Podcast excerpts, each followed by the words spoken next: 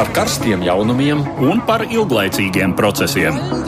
par idejām, par cilvēkiem, par naudu, Un par laiku, par abām mūsu planētas puslodēm. un lietojot abas smadzeņu puslodes. Ēterā raidījums divas puslodes.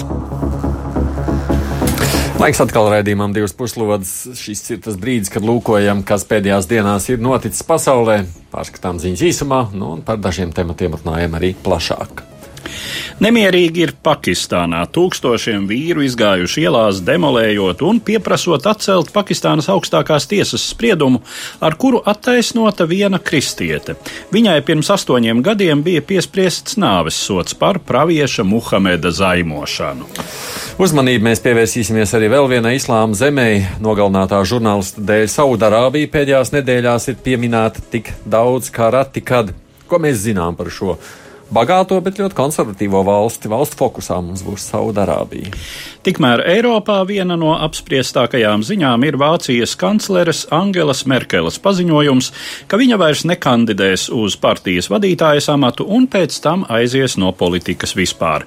Ko Merkeles ēras beigas nozīmē Vācijai un ko tas nozīmē visai pārējai Eiropai? Tie klausītāji, kas lieto Twitter, ir vēl lūgti tuvākajā laikā atbildēt uz jautājumu, kā jūs vērtējat Merkeles paziņojumu par aiziešanu no politikas. Pozitīvi, negatīvi, varbūt tā, jūsuprāt, ir tāda mazāk svarīga ziņa. Twitter jautājumu varat atrast Latvijas radio viens kontā. Protams, gaidām arī jūsu komentārus mūsu mājaslapā. Un šobrīd bez mums studijā ir Latvijas ārpolitikas institūta pētniece Sintīna Broka. Labdien! Labdien! Un TVNet žurnālists, to austrumu drošības eksperts Toms Rātvelders. Labdien! Bet mēs sākam raidījumu kā parasti ar dažām ziņām īsumā.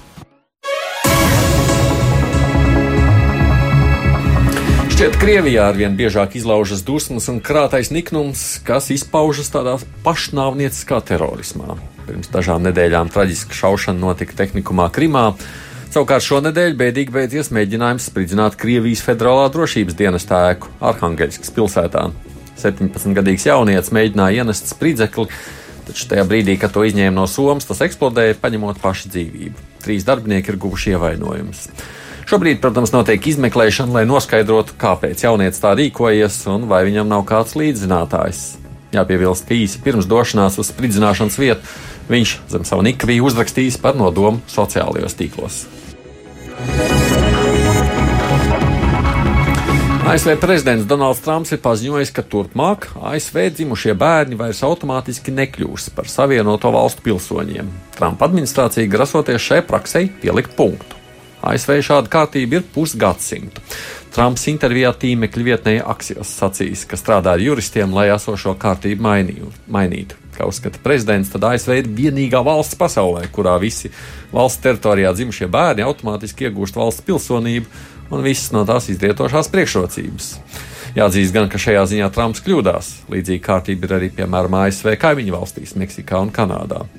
Tas ir smieklīgi, tam ir jāizbeidzas, tas ir procesā un tiks īstenots ar izpildu rīkojumu. Tā ir paziņojis Trumps. ASV tiesības uz pilsonību piedzimstot gan ir iekļautas konstitūcijas 14. labojumā, un tāpēc nav šobrīd skaidrs, vai Trumps var atņemt šīs tiesības ar savu izpildu rīkojumu.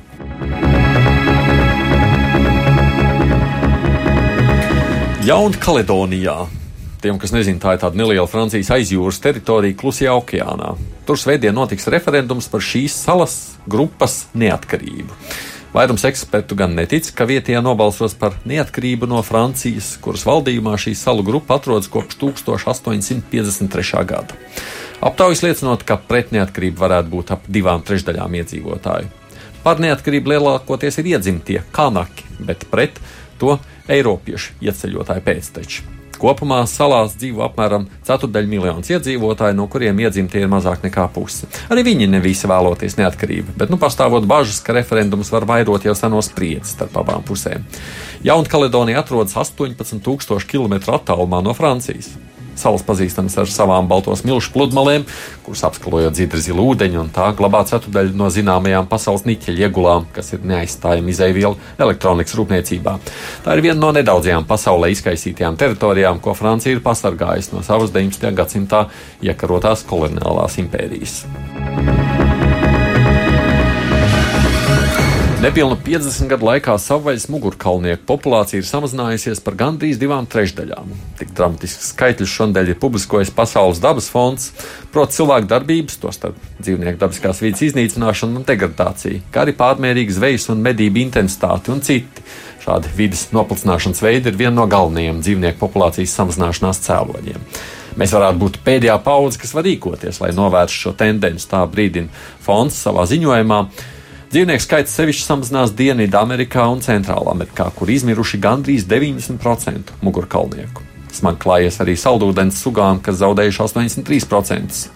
Cilvēkiem uz planētas nevar būt veselīga, laimīga un veiksmīga nākotne ar destabilizētu klimatu, noplicinātiem okeāniem un uprēm, degradētu zemi un tukšiem mežiem. Tā teikt ziņojumā, un fonda direktors aicinājusi starptautisko sabiedrību izstrādāt jaunu globālu vienošanos dabai un cilvēkiem, līdzīgi kāds Parīzē tika izdarīts klimata jautājumu risināšanai.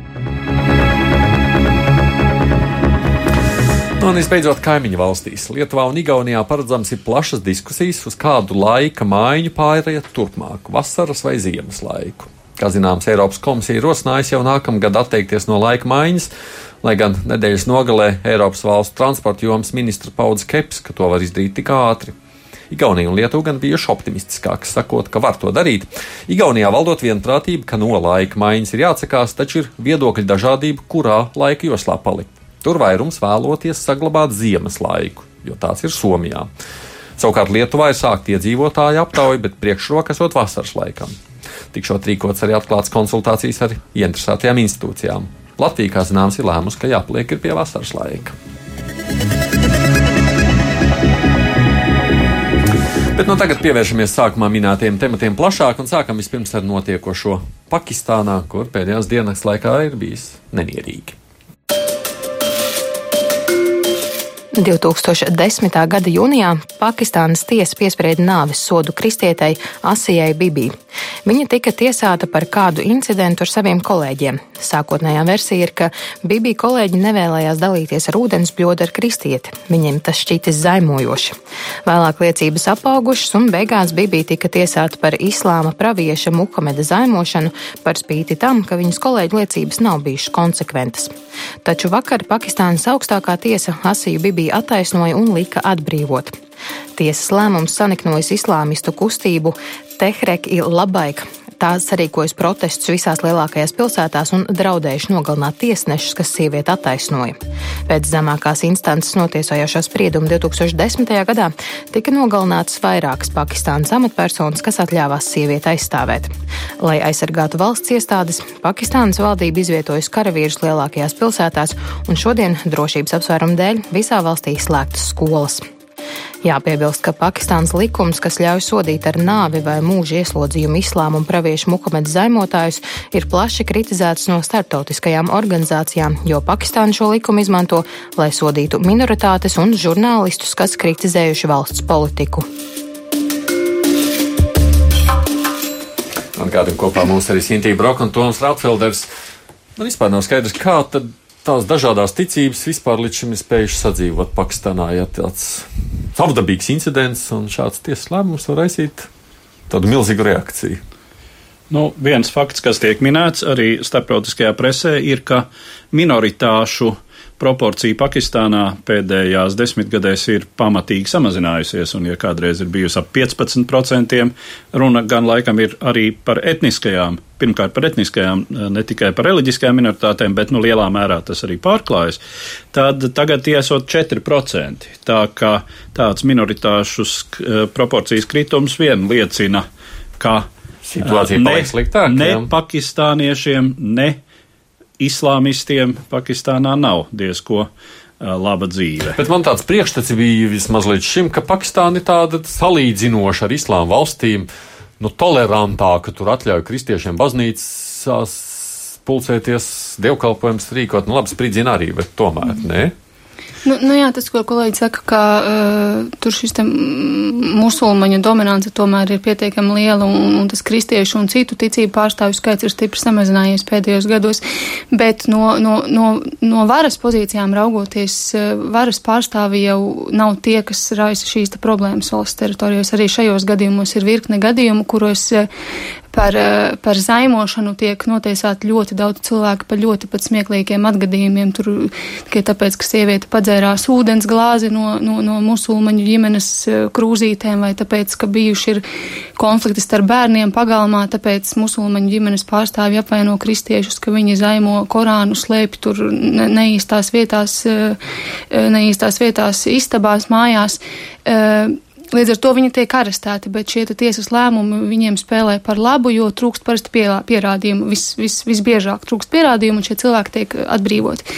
Bet tas, kas ar viņiem notiek pēc tam ielās, pie, satiekoties ar šiem reliģiskajiem grupējumiem un ar pieaugušo ekstrēmistu, kas aizstāv šīs te e, zaimošanas likumu, teiksim tā, tas jau ir pavisam cits stāsts. Bet tas sanāk tā, tad, tad no vienas puses ir politika, kas ir salīdzinoši pat pieļaujoša dažādībai bet dzīve ir pilnīgi sabiedrībā cita. Uh, nu, es pat iespējams uh, izteikt pieņēmumu, ka tagad arī politika nedaudz ir pietuvojusies uh, netolerancei.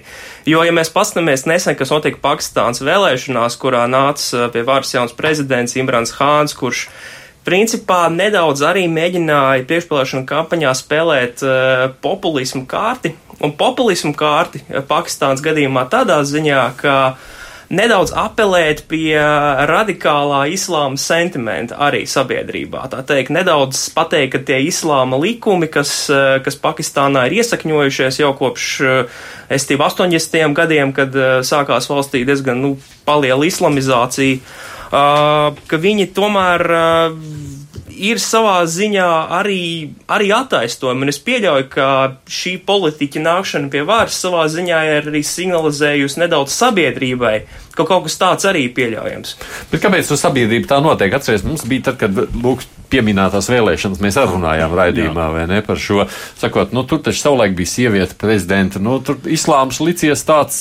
Nu, vispirms, vispirms jāsāk ar to, ka, teiksim, islāma radikalizācija pēdējās desmitgadēs ir augusi. To mēs varam vērot visā pasaulē. Tas ir acīm redzami, teiksim, islāma valstīs, nu, līdz pat tādām radikālām uh, izpausmēm kā veselu plašu teritoriju sagrābšana no teroristisku organizāciju puses, um, kas sevi definē jau kā islāma valsts, kā, islāma valsts, kā jaunu kalifātu un tam līdzīgi. Uh, un, šī tendence nepārprotami nu, liek. Nu, teiksim, šīs tendences spiedienu izjūt praktiski visu valstu politiskās sistēmas. Jautājums ir, kā tās uz to reaģē. Un tas, kas mums var būt kas, kas mums varētu, kas mums, teiksim, pirmajā brīdī nav tā vienkārši izprotams, um, ir tas, ka uh, teiksim, radikālais islāms ir iemācījies lietot demokrātijas mehānismus, demokrātiskus instrumentus, lai tiktu pie varas, uh, lai iegūtu, teiksim, formāli demokrātisku vēlēšanu ceļā sev politisko ietekmi. Uh, un daudz vieta nu, ir tā, ka um, jau vairākas desmitgades, teiksim, tas, tas spēks, kas uh, attur, uh, attur uh, tādas radikālākas islāmistiskas uh, politiskās ievirzes no vāras, ir tieši militārisms, kad armīnieki laiku pa laikam pārņem varu, uh, nu, un, teiksim, uh, tad tur to sistēmu tādā, tādā zināmā stabilitātē, uh, un Pakistāna ir viens diezgan spilgts gadījums, kur laika pa laikam ir nākušas pie varas militāras huntas, eh, kas eh, cita starpā, gan būdam nedemokrātiski režīmi, bet cita starpā ir atturējuši zināmā mērā no varas šo radikālo islāmu. Bet, kā mums pareizēm saka, tā, nu tad tauta ir tā, kas ir tā progresīvā un tad piespiež arī tad to politisko sadaļu mainīties. Tur iznāk otrādi šobrīd. Nu, tauta dažādās pasaules vietās ir dažāda. dažāda. Un tie tās ir valstis, kur tauta domā citādi. Mums šeit Eiropā tas šķiet absolūti nepieņemami. Uh, tur cilvēkiem ir tāda tradīcija, tāda domāšana. Es domāju, mēs šodien vēl diezgan daudz runāsim par šo pasaules daļu, kas savā domāšanā ir radikāli atšķirīga no mums, taiskaitā demokrātijas, tiesiskuma izpratne. Uh, tur ir pavisam citā līmenī nekā Eiropā. Es gribētu teikt, ka Eiropā, ja, ja mēs gribam saprast, kā, nu, kā darbojas šādi politiskās domāšanas mehānismi, ir jāpaskatās trīs, četrus gadsimtus atpakaļ. Varbūt uh, mūsu, teiksim, Eiropas daļā pārsimts gadus atpakaļ kā piemēram, kāda bija piemēram tiesiskuma izpratne, nu tā pašā Krievijas nu, labi, jā, impērijā. tas ir par tiesiskumu runājot, bet runājot savukārt par šo, kā tas tālāk varētu. Nu, vienalga. Gribēju kaut ko sacīt. Nu, nu, principā, tu minēji to punktu, ka izstāsta interesanta situācija, ka, nu, teiksim, vara šajā gadījumā Jā. iet pretīgi sabiedrībai. Nu, nu, vara tā kā ir tāda kaut cik no tāda, no mūsu skatu punkta liektos, nu, tā cenšas vēl kaut ko to cilvēcisko saglabāt, vai ne to brīvību, nu, to labo, un tad tā tauta spiež nos. Nu, šajā gadījumā man liekas drīzāk ir tas, ka, nu, negluži, ka viņš cenšas saglabāt cilvēciskumu. Man liekas, nu, protams, tas nav pierādīts, bet. Uh, Ma, es, man liekas, ka teiksim, šis lēmums atbrīvot kristieti vairāk vai mazāk uh, ir nācis no ārējās piediena. Tāpēc, ka, nu, lai gan no vienas puses eh, šis Imrāns Hāns, kurš arī vēlētos uzturēt uh, elektorāta atbalstu šīm islāmistu idejām, ne, tajā pašā laikā jāatcerās arī, kas, kas, kāda ir Pakistānas pozīcija starptautiskajā sistēmā. Viņi ir uh, principā diezgan atkarīgi no amerikāņu finansiālās palīdzības. Uh, Viņiem pagaidām ir diezgan liels ārējais parāds, un viņi vēlās negociēt ar Startautisko valūtas fondu par aizdevumu piešķiršanu. Un, principā, arī tajā pašā laikā trešajā, kas notiek, ir Hašogī gadījums, par ko arī mēs šodien runāsim. Nu, ka, ka, ka, principā, uh, ir situācija, kurā viens no Pakistānas tradicionālajiem sabiedrotajiem uh, jau no 80. gadiem, kad, uh, principā, Saudi investēja Pakistānā līdzekļus cīnītos pret uh, PSRS klātbūtni Afganistānā. Uh, principā viņa arī nonākusi tādā ziņā pret sabiedrotiem diezgan tādā neapskaužamā, netīrā situācijā. Un, principā, ja kaut kas tam līdzīgs notiktu arī tagad Pakistānā, šāda līdzīga vardarbība, es pieļauju, ka tas varētu arī ļoti slikti izskatīties uh, pakistāniešu attiecībās ar amerikāņiem. Tāpēc es domāju, ka lēmums būtu arī jāskat nedaudz šajā Aha, kontekstā. Spiediens. Nu labi, kā tad tas viss var beigties? Um, Es eh, varbūt būtu mazliet piesardzīga runājot par to, ka tas ir bijis ārējais spiediens, jo šādi gadījumi notiek regulāri no reizes uz reizi nepārtraukti Pakistānā. Tas nav šīs konkrētās sievietes gadījums, un, un uh, man grūti izskaidrot, kāpēc tikai šobrīd mēs par to tā startautiski runājam, un mēs esam pievēršuši uzmanību. Nu, bet, tāpēc, ka vakar, protams, ties, tie nemieri sākās, un tas nu, tie nemieri jau iet kaut vismaz trīs nedēļas, uh, un, un nemiernieku grupējumi ir bloķējuši gan ceļus, gan piekļuvis slimnīcām, gan, uh, gan no pilsētas uz pilsētu. Nu, tur nemieri jau ir vairākas mm. nedēļas, bet uh, Šo, nu, un, un tas varbūt uh, avots, no kā šīs te viss rodas, ir vienkārši nesp valdības nespēja atrast kopīgu valodu ar sabiedrību. Jo ir bijuši arī virkne gadījumu, kuros tomēr um, uh, vai provinču vadītāji vai arī valsts ministru līmeņa vadītāji ir centušies atbrīvot un atbrīvojuši ieslodzītos tikai dēļ, kā jau es minēju iepriekš, dēļ tā, ka trūkst pierādījumu viņu Eh, viņu notiesāšanai uz nāvi. Un tas ir beidzies ļoti bēdīgi. Ir pat bijušas guvernatoru nāves eh, Pakistānā un nerunājot par to, ka to, ģime, to ģimeņu dzīve ir izpostīta, kur ir tikuši atbrīvoti.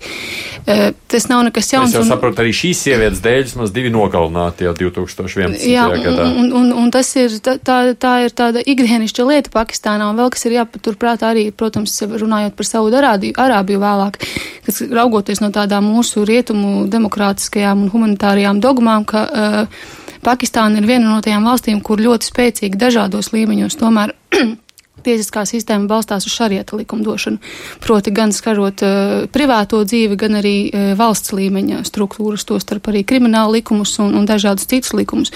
Un valdība, val, valdība varbūt kaut kā līmenī mēģina uh, sabalansēt šīs te uh, pārvaldes formas, proti meklējot pierādījumus, lai izvirzītu apsūdzību un lai nogalinātu šo cilvēku, cilvēku, cilvēku, bet sabiedrības līmenī tas ir daudz virspusējāk, un ja reiz viņš ir apsūdzēts, tad viņš ir vainīgs, un tad viņu mēs nomētājam ar akmeņiem, un visu viņa ģimeni un bērnus mēs, nu, dzīves viņiem ir izpostītas. Mm. Vai, nu jā, labi, kā tas šeit sievietē beigsies, to ja mēs te droši vien nebūtu prātīgi apspriest, bet mēs domājot par nākotni, varam sacīt, ka faktiski Pakistāna kļūs, nu, viņa kļūs, jā, par vienu ļoti tādu islāmistisku valsti, kurā kristiešiem vietas vairs nebūs, nu, vai viņi negribēs tur dzīvot. Tā jau ir tāda valsts, nu, kur kristiešiem nav diezko komfortabli. Bet viņi joprojām dzīvot. tur ir. Jā, viņi tur joprojām ir. Nu, tas ir uh, jautājums par to, cik viegli ir pamest uh, teiksim, teritoriju, kur tavi senči ir dzīvojuši kazī gadu simtiem. Uh, un, tādas nelielas, teiksim, atšķirīgas reliģijas kopienas jau pastāv, pastāv nu, teju visur. Ja? Um, izņemot varbūt tiešām to pašu Saudārābiju, kur man liekas, ne musulmaņu uh, praktiski nav. Uh, bet, uh, jā, runājot par Pakistānu, nu tieši tā, uh, tā tad valsts cenšas vismaz formāli uh, ievērot, um, teiksim, krimināla procesa normas un uh, sodīt tā kā pastāv šie uh, zaimošanas likumu, un šie, šis zaimošanas likums tā tad tiek uzskatīts, protams, no, no starptautisko tiesību, nu, teiksim, no tiesiskuma normu viedokļa par, mm, nu, neadekvātu, ja, par, par instrumentu, ar kuru tiešām var cilvēku diezgan viegli no, nu pakļaut sodam, tad tad, nu, teiksim, vismaz cenšas savākt tos pierādījumus. Un tas mehānisms ļoti bieži ir tāds, ka zemākās tiesas piespriež sodu, tā skaitā augstāko soda mēru, baidoties eh, no tieši no šīs pūļa reakcijas. Un tāpēc, ka zemāko tiesu tiesneši, kā to mēs diezgan labi zinām arī mūsu tiesu prakses gadījumā, ka zemāko tiesas instanču spriedumi ļoti bieži ir tie apšaubāmākie, jo tur ir tiesnešu ietekmējamības faktors. Uh, augstākajā tiesā šāds faktors ir daudz mazāks, tur tiesneši atļaujas būt objektīvāki un no pūļa spiediena neatkarīgi. Es vēl gribu veltīt to laiku savu darābijai, tāpēc es mazliet sāku dīdīties, skatoties uz pulkstēdi, bet faktiski, ja mēs runājam par nākotni, nekas tāds gaišs ne, neizskatās, ja Pakistāns nu, ir. Šobrīd šie te visi reliģiskie grupējumi, kas, kuri izmanto šo te likumu sev par labu, lai šo ekstremitāti audzētu, tas liecina ne par ko labu. Nu, mm. Tur ir jābūt spēcīgai valdībai, spēcīgai, spēcīgām partijām, kas pārņem varu un ir spē, spējīgas nomierināt sabiedrību un šos grupējumus. Jā, nu, droši vien daudz ko noteiks tas, kā savu politiku īstenos prezidents Imrāns Hans, par kura, eh, kura politiskā karjera vēl ir tikko sākusies. No, nu jā. no, labi, turpinām, ejam uz Sauda Arābiju, tad, cita valsts. Pēc Pirmā pasaules kara beigām, sabrūkot Osmaņu impērijai un mainoties spēku līdzsvaram tuvajos austrumos, Arābijas pussalas tūkstošainajā vidienē kā vadošais spēks izvirzījās beduīnu vadoņu Saūdu klans. Saūdi bija tālredzīgi iedibinājuši saiknes ar Britu impēriju, kamēr viņu galvenie konkurenti, Rašidu klans, bija palikuši uzticīgi Turcijai.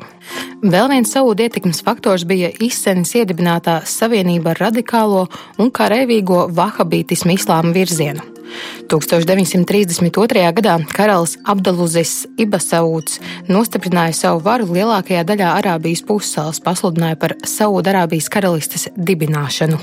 Tobrīd šķita, ka tā būs viena no trūcīgākajām valstīm pasaulē, taču jau pēc dažiem gadiem zem Arābijas tūkstneša smiltīm tika atklāts naftas ieguls, kuras izrādījās lielākās pasaulē. No vienas puses, Saudārābijas vieta globālajā politisko spēku izkārtojumā gadu desmitu gaitā palikusi visai nemainīga. Tā alaž bijusi rietumu lielvalstu, sākotnēji Britu impērijas, vēlāk primāri savienoto valstu, sabiedrotais tuvajos austrumos. Sevišķi vērtīga rietumvalstīm šī savienība kļuva tad, kad pagājušā gadsimta 60. gados Irākā pie varas nostiprinājās kreisī panarābiskā Bāzes partija. Savukārt Irānā 1979. gadā uzvarēja islāmiska revolūcija, gāžot apspiežot šeihu Pehlavī un izveidojot Islāma republiku. Savu apgāju šī alianse sasniedza 1990. un 91. gada līča kara laikā, kad Saudarābijas teritorija bija galvenais placdarms ASV vadītās koalīcijas iebrukumam Irākā un irākiešu okupētajā Kuveitā, un Saudu spēki aktīvi piedalījās Kuveitas atbrīvošanas operācijā. Tomēr ir visai nepārprotami, ka tādu sabiedroto kā Saudarābija rietumdemokrātijas spiests paciest kā mazāko ļaunumu. Iekšpolitiski šī valsts ir arhaiska absolūta monarhija, kuru visos starptautiskajos brīvības līmeņa reitingos stabili ieņem pēdējās pozīcijas. Tā ir arī izteikti teokrātiska valsts, kur konstitūcijas vietā oficiāli ir Korāns un Sunna, un valsts pamatlikums paredz šariāta likumus kā vienīgo ierobežojumu karaļa absolūtajai varai. Arī starptautisko attiecību praksē attiecības starp rietumvalstīm un Saūdu karalisti nebūtu nav bijušas salešas saulainas.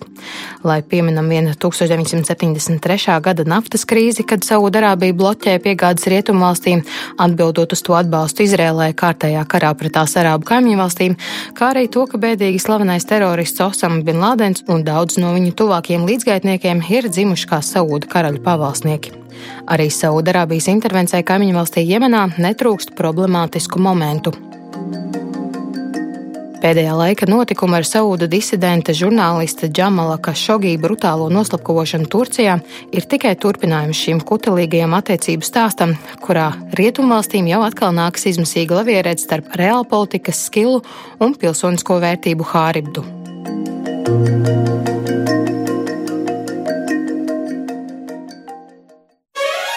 Divas puslodes! Atgādājot, šeit studijā ir Latvijas ārpolitikas institūta pētniece Intīva Roka un TVN žurnālists, austrumu drošības eksperts Toms Rātfelders, protams, arī mēs ar Eduardu Liniņu. Mēs varam sacīt, ka Saudarābija savukārt ir viena no tādām konservatīvākajām uh, islāma valstīm. Uh, nu, protams, nenoliedzam, bet uh, tajā pašā laikā mums ir jāņem vērā to, kas notiek ar Saudarābiju pēdējos gados kopš jaunā kroņprinča nākšanas pie varas. Ja tradicionāli, teiksim, Saudarābijā, kā, kā viņi tika būvēti, nu, principā, kā viņi funkcionēja? Nu, principā karaliskā ģimene ar vahabītu reliģīsko atbalstu atradās pie varas stūres. Viņas kontrolē atradās milzīgs naftas resursu daudzums. Šos naftas resursus viņi izdalīja saviem, nu, ne, ne, ne, ne tiešā veidā, bet caur darbiem, teiksim, un, un, un caur eh, sociālajiem pabalstiem un sociālajiem ieguvumiem izdalīs saviem pilsoņiem apmaiņā pret vienkārši politisku uzticību, neko vairāk. Tad tagad ir Principā šis modelis eh, saudieši saprata, ka vairs nav ilgtermiņā realizējams, ka naftas cenas pasaulē, kuras, eh, kuras principā viens no stūrakmeņiem šim modelim bija ilgstoši bijis ļoti, ļoti zems, līdz to savu patstāvīgi zaudē naudu. Uh, Uh, vēl tam pa virsmu nāk arī uh, pilsoņu karš Jemenā, kur Saudarābija vada koalīciju, vada Arābu valstu koalīcija, principā, kas izmaksā milzīgas naudas līdzekļus, viņi tā arī nav spējuši sakaut uh, Irānas nosacīt atbalstītos hutī nemierniekus tur, un principā Kroņprīts saprot, ka ne, nav vairs neko darīt, ko citu darīt, kā Saudarābija lēnām mēģināt kaut kādā veidā atvērt. Tieši tāpēc mēs tagad redzam, ka principā Saudarābija ir kļuvusi daudz tāda.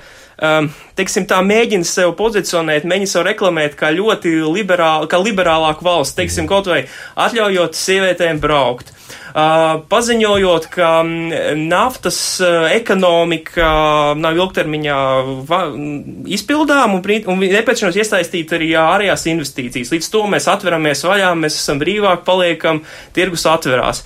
Te vēl arī paziņojums par to, ka tiks būvēta Saudarābijā turistu pilsēta, kurā varēs lietot alkoholu, kas līdzīgi jau notiek tā kā, tā kā Emirātos, jau turpat, principā, kaimiņos.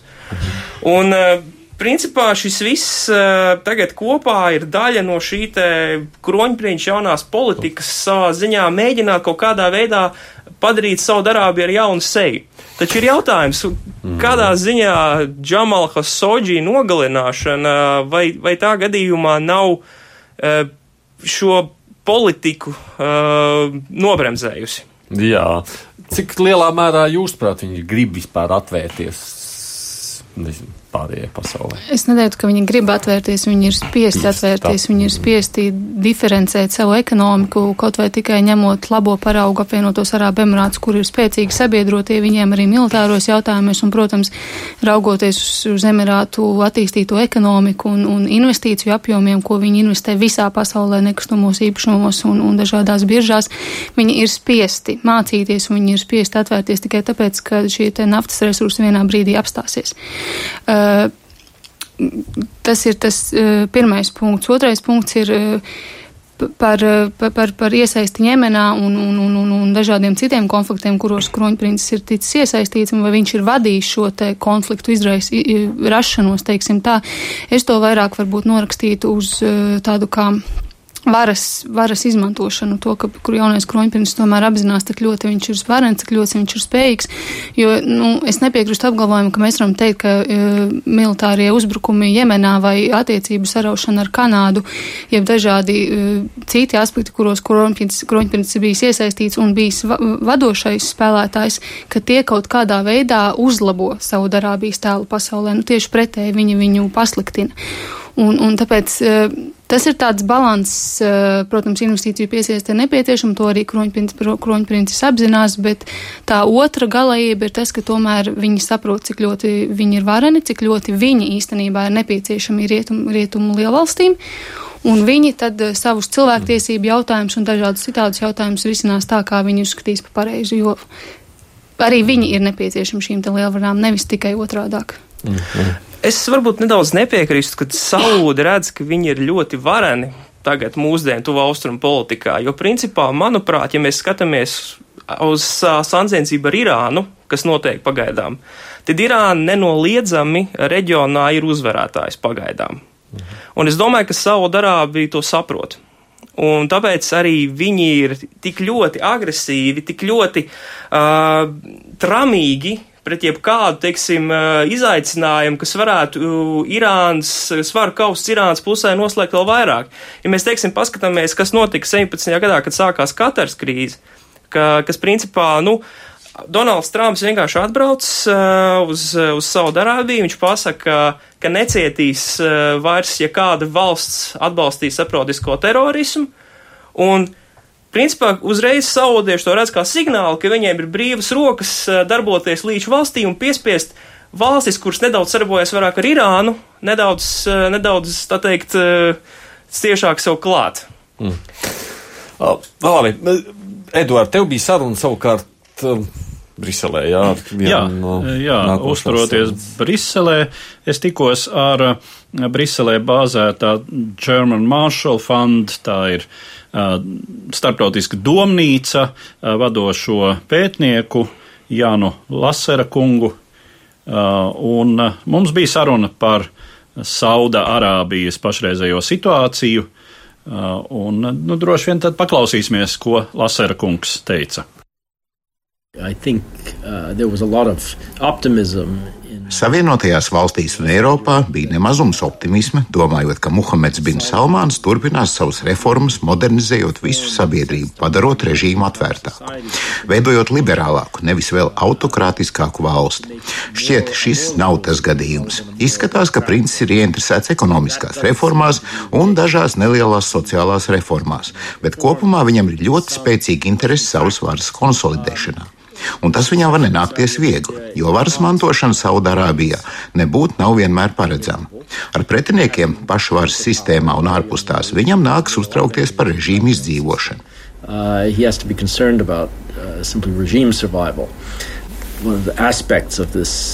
Viens no aspektiem pašreizējai situācijai ar Saudārābiju ir ārkārtīgi asi izceltā klasiskā dihotomija starptautiskajās attiecībās starp realismu no vienas un ideālismu no otras puses.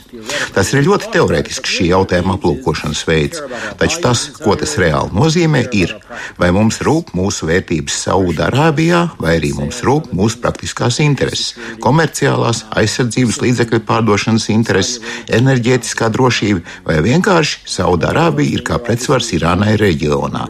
Tas viss spēlē savu lomu kā Savienotajām valstīm, tā Eiropai. Dažas Eiropas valsts jau ir noteikušas ierobežojumus ieroču piegādēm Saudārābijai.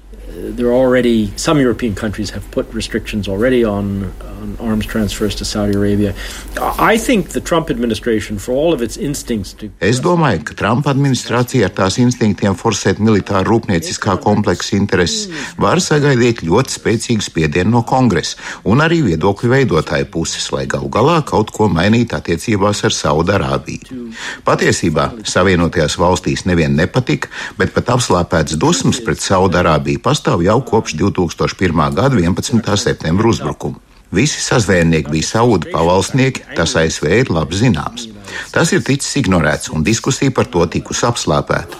Un neapmierinātībai ar Saudārābiju jau ir vēl dziļākas saknes. Tās sniedzas līdz pat 1973. gada naftas krīzei. Um, and in fact, the dissatisfaction with Saudi Arabia goes back much further. It certainly goes back to the oil crisis of 1973, and there's a long history of. Savienoto valstu administrāciju ne tikai pret Saudārābijas režīmu ir sena vēsture saistīta ar tā nevēlēšanos ņemt vērā mūsu enerģētiskās drošības intereses, nosakot naftas cenas. Jau nedēļa vai divas pirms pašreizējās krīzes prezidents Trumps izteicās ļoti kritiski par naftas eksportētāju valstu organizācijas, jeb OPEC valstu iegūs un cenu politiku. Tātad ir visai daudz aizturētu dusmu, bažu Saudārābijas sakarā, un pašreizējais incidents var būt iespēja kādām izmaiņām. Vai tas notiks, to nu tiešām redzēsim, bet dažā ziņā šis ir bezprecedenta gadījums kritikas smaguma ziņā.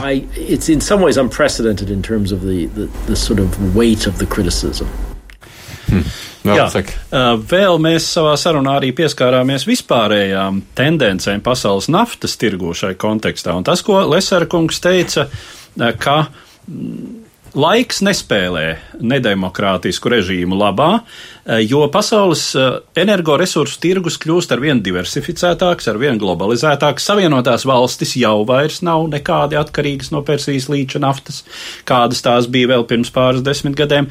Attiecīgi, te arī nu, kolēģi piebilstais, vai ne, ka um, to jau jūt arī Saudu karalistes uh, elite, un tāpēc arī ir šie mēģinājumi uh, pielāgoties, jo tad, kad būs runa par uh, saudu ekonomikas diversificēšanu neizbēgami, eh, par kaut kādu ieguldīšanu, par ciešākām saiknēm ar pasaules finanšu tirgiem, tad tur šiem valsts demokrātijas, eh, atvērtības, sabiedrības atvērtības faktoriem ir daudz lielāka loma, nu, teiksim, piemēram, finanšu sfērā, kur uzticēšanās ir ļoti nozīmīga. Teiksim, nafta ir brutāls produkts.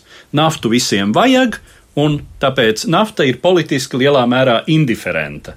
Maz interesē, kas tev tur notiek tavā valstī, ja tu mūs baro ar energoresursiem, kā mēs to redzam arī Krievijas gadījumā lielā mērā. Ja? Krievija var Ukrainā darīt te visu, ko grib, Eiropa tāpēc nepārtrauc Krievijas gāzes iepirkšanu. Ja? Tā tad. Mm, bet šī tendence pasaulē mainās pamazām. No otras puses, ir jāsaprot uh, Saudu karalistes iekšējā politiskā uzbūve. Uh, tas, ka līdz šim tā ir bijusi klasiska, absolūta monarhija, kur viss tiek kārtots, var teikt, ģimenes, ģimenes ietvaros.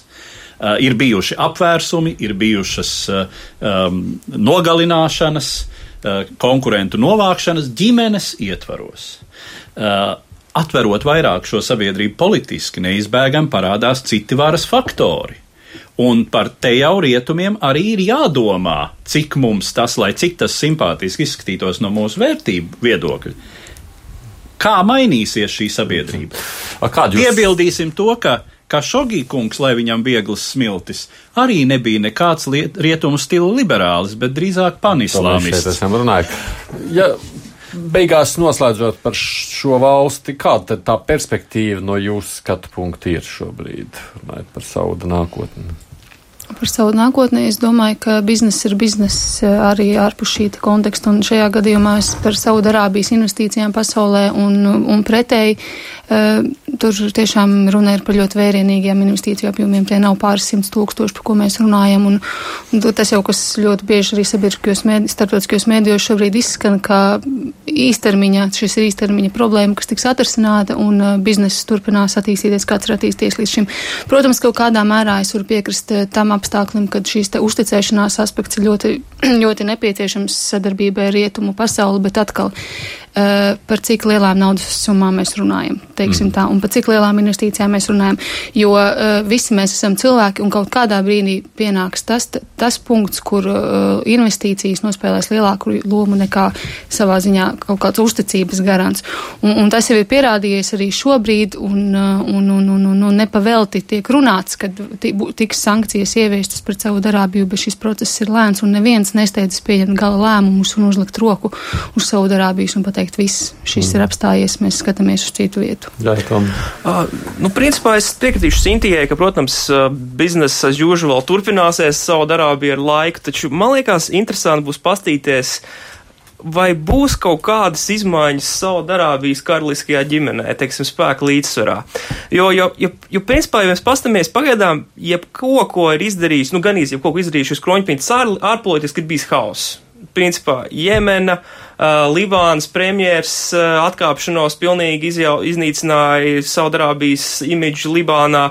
Nu, nu, respektīvi, es, es pieļauju, es nevaru izslēgt situāciju, ka, kuras ietvaros varētu būt, ka Saudarābijas karalis varētu nomainīt pāris atslēgas cilvēkus troņprinču, troņprinču tūmā, mm. lai viņš nevarētu būt tik ļoti uh, neatkarīgi savos lēmumos, lai principā būtu kādi cilvēki, kas varētu uh, viņu nedaudz vairāk nobremzēt un, un, un tomēr savu darābu ielikt uh, tradicionāli konservatīvāks ārpolitikas rāmjos, kas, uh, kas, principā, viņi ir bijis jau diezgan ilgu laiku. Ģimenes lēmums. Nu labi, bet mums tagad ir jāiedod vēl vienam tematam jāpievērš uzmanība. Nu šobrīd gan atgriežamies atpakaļ Eiropā, tepat tuvumā - Vācija, Angela Merkele.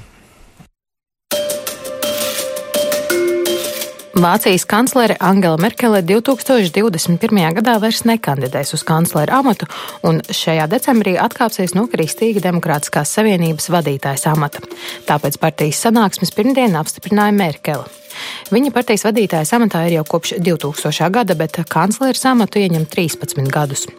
Markels paziņojums par aiziešanu no politikas nepalika nepamanīts. Uz to negatīvi reaģēja biržas tirgi, un jau sākās sacensība par Kristīga Demokrātiskās Savienības vadītāju vietu.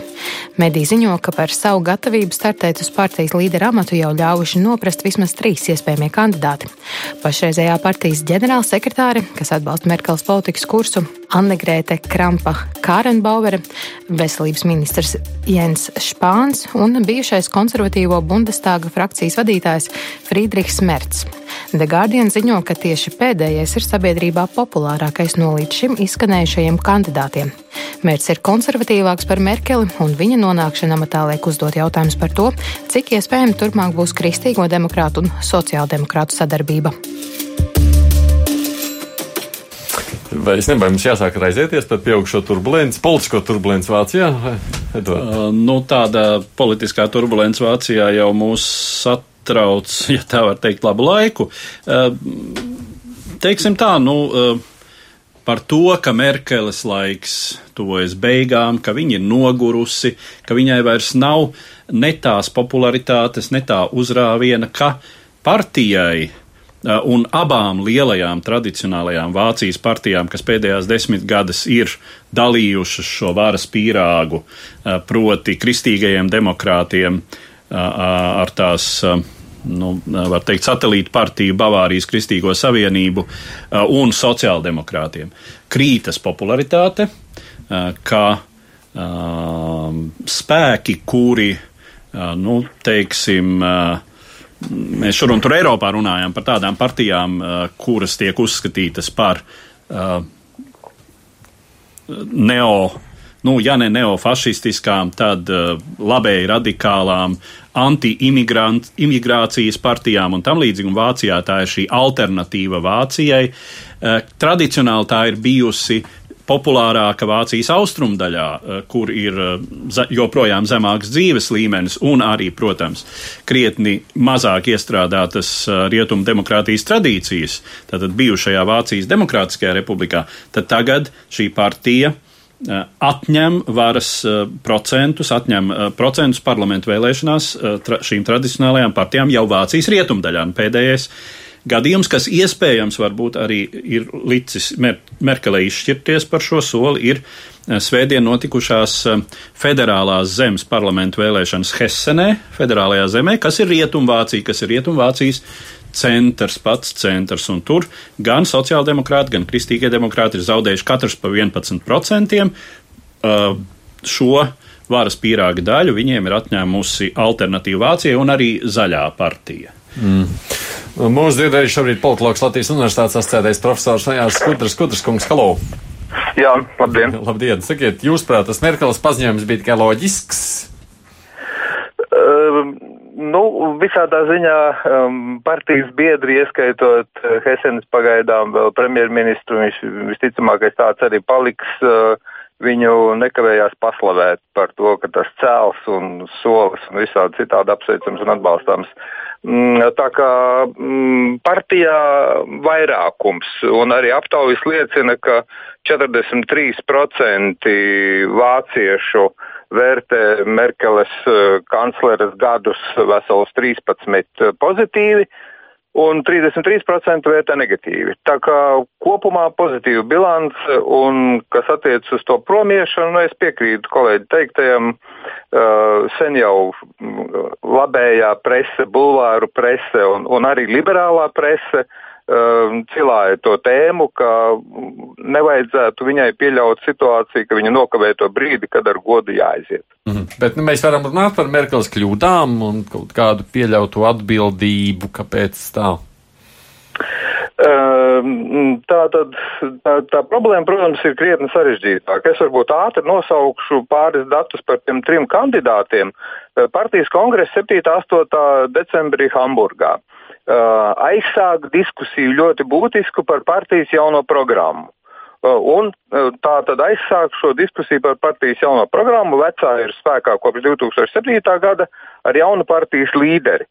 Un šie līderi ir radikāli atšķirīgi. Tātad Annegrete Krampa Karenbauere, ģenerālsekretāra, 56 gadi, vienīgais teikt, izcilais nopelns no 2011. līdz 2018. gadam Zāra zemes premjerministri. Mm, mm, tātad ģenerālsekretāra samatā no šā gada februāra. Friedrichs Smerts jau pieminētais zaudēja Bundestāga frakcijas vadītāja posteni pēc zaudētām vēlēšanām 2002. gadā, un viņu no šī amata izstūma Merkele un Štoibers, tolaik vēl aktuālais. Kristīgas sociālās savienības pārstāvis. Tātad uh, Friderikam Mercam 62 gadi. Viņa spēcīgākais punkts saistība ar ļoti daudziem koncerniem un uh, investīciju menedžmenta korporācijām. Uh, Jens Špāns 38 gadi, tātad pilnīgi cita paudze, jau jauna paudze, 38 gadu vecs, uh, tātad katolis, Mm, ekonomikā pārstāv liberālo virzienu un atklāts gejs. Uh, nu, tādas ir tās uh, trīs izvēles, kas liecina, ka tās diskusijas, bet kas attiecas uz Spānu un Mercu, viņi abi ir izteikti konservatīvāki nekā Merkele. Uh, Karenbauera pārstāv tā dēvēto liberālo katolicismu, kuru pārstāvēja Merkele. Varētu sacīt, ka īstenībā ar kā, gandrīz vai neticās, ka mēs par vienu partiju runājam, ne? Uh, nē, es domāju, ka neticība ir tāpēc, ka Latvijā uh, tā partiju iekšējā dzīve diemžēl uh, neatspoguļo to daudzveidību. Un, izda, un tad mums faktiski ir darīšana trīs vai četrām partijām, kas pēc būtības e, būtu apvienojams vienā un atspoguļot to daudzveidību, kur atspoguļo kristīgi demokrāti Vācijā. Bet, nu, pabeidzot sarunu, tad jums faktiski kāda būs tā nākotne, tas šobrīd ir neatbildāms vēl jautājums. Uh, nē, es domāju, ka tas jautājums ir atbildāms. Pilnīgi noteikti, ka uh, ja būs Spāns vai Merts, nu, e, es personīgi lieku uz Friedricha Merca, uh, tad visticamākais, ka būs zināms konservatīvs pagrieziens, bet pēc plašas diskusijas partijā, kā jūs teicat, jo jāpieņem jauna partijas programma, ar to ir jāiet uz jaunām vēlēšanām. Tas, tas galvenais ir jautājums. Merts ir teicis, ka viņš sadzīvos ar Merkeli, arī viņa esot kanclerē 21. gadam. Uh, tā tad uh, uh, par labu tam runā viens apsvērums, divi, divi apsvērumi. Pirmais apsvērums ir tas, ka pēdējās aptaujas liecina, ka sociāldemokrāti pēc popularitātes jau ir ceturtie. Pirmajā vietā kristīgie demokrāti 25%, otrajā vietā zaļie 20% un trešajā vietā alternatīva Vācija 16,5%. Tātad, un tikai pēc tam seko sociāldemokrātiskā partija. Uh, tas nozīmē, ka kristīgie demokrāti un sociāldemokrāti nav ieinteresēti pirmstermiņa parlamentu vēlēšanās. Pilnīgi kategoriski nē. Uh, tas stiprina uh, cerības Merkelē saglabāt posteni, tas ir pirmais punkts. Un, kas attiecas uz, uz, uz tādiem jautājumiem, kas saistās ar Eiropas Savienību. Nu, Merkele ļoti vēlas, un viņai esot kanclerē, tas acīm redzot ir realistiskāks variants, panākt, lai ža, um, Junkeru uh, Eiropas komisijas prezidenta postenī nomainītu Kristīgas sociālās savienības pārstāvis. Uh, Vēbers, kurš pat laban ir uh, Tautas partijas frakcijas vadītājs Eiropas parlamentā. Un uh, jautājums, vai viņš kandidēs uh, kā šīs uh, frak frakcijas, Eiropas Tautas partijas frakcijas kandidāts uz prezidenta posteni, izšķirsies 8. novembrī Helsinkos, kur viņš konkurēs par šo godu ar bijušo Somijas premjeru Štubu. Mm. Paldies, es saku Ojārs Skudra, kurš Latvijas universitātes atstātais profesors, zina, klausos, un tad liekas tā, ka pilnīgi cita pasaulē. Mēs runājam par Saudarābiju, vai mēs runājam par Vāciju. Jums kaut ko par Vāciju arī esat gatavi vēl kaut ko piebilst tom? Nē, nu, principā es piekrītu tas, ko jau to, ko eksperts jau teica, ka, nu, Merkel jau 13 gadus tomēr, tomēr stūra vada, viņai, nu, bija jāaiziet eh, ar godu. Un, eh, nu, principā tagadējā situācija, kurā nu, vartīs iekšējo ķīviņu dēļ, ka, nu, kā mēs zinām, ja mēs sekojam līdzi Vācijas iekšpolitikai, tad bija diezgan ilga valdības veidošanas process, Merkels ķīviņa ar iekšlietu ministru par migrācijas jautājumiem, nu, kurus, kur ietveros, principā, nu, sabiedrībai radās iespējas, ka varas partijas nevis nodarbojās ar valsts vadīšanu, bet gan ar savu iekšējo intrigu, nu, saistīšana. Un līdz, es domāju, ka tas bija viens no faktoriem, kas arī parādījās šajās reģionālajās vēlēšanās. Un, principā, nu, Merkel saprot, ka Diemžēl viņai no šiem ķīviņiem vēl ilgi uh, ārā netikt, ka tom, diemžēl valdībā ir diezgan liels spēka līdzsvars starp, uh, nu, starp visiem demokrātiem un sociālistiem. Nu, līdz to tad ir, kā, ja, ja teiksim tā, kaut kādu lēmumu nesaskaņojot ar vienu pusi pieņemta, principā, nu, mm. valdība uzreiz var uh, krist. Uh, Nu, un tad Merkel saprot, ka izdevīgāk viņai tomēr ir Šādi. distancēties ar savu seju no partijas un ļaut, lai viņa partija izveido jaunu imidžu ar jaunām sejām. Mēs prasījām mūsu klausītājiem, lai Twitterī balso, kā viņi vērtē šo Merkeles lēmumu aiziet no politikas. Nu, tad 45% no mūsiem saka, ka viņi to skatās neitrāli. Nu, tas tādā ziņā, protams, mūs ar neskar 20% pozitīvi un 35% raksta, ka viņi negatīvi to skatās. Bet, nu, jāsaka, paldies, mums ir jābeidz. Diemžēl šodien mūsu temats ir, no laiks ir beidzies. Studijā bija Sintība Roka no ārpolitikas institūta pētniece un TVN žurnālists Toms Rātfelders. Paldies jums! Protams, arī Latvijas raidījuma žurnālists Edvards Liniņš producēja Ieva Zeiza. Es pareizi pateicu, studijā bija arī es, Aidis Tomsons, uz sadzirdēšanos nākamreiz, kad lūkosim, kas atkal jauns ir noticis pasaulē. Divas puslodes!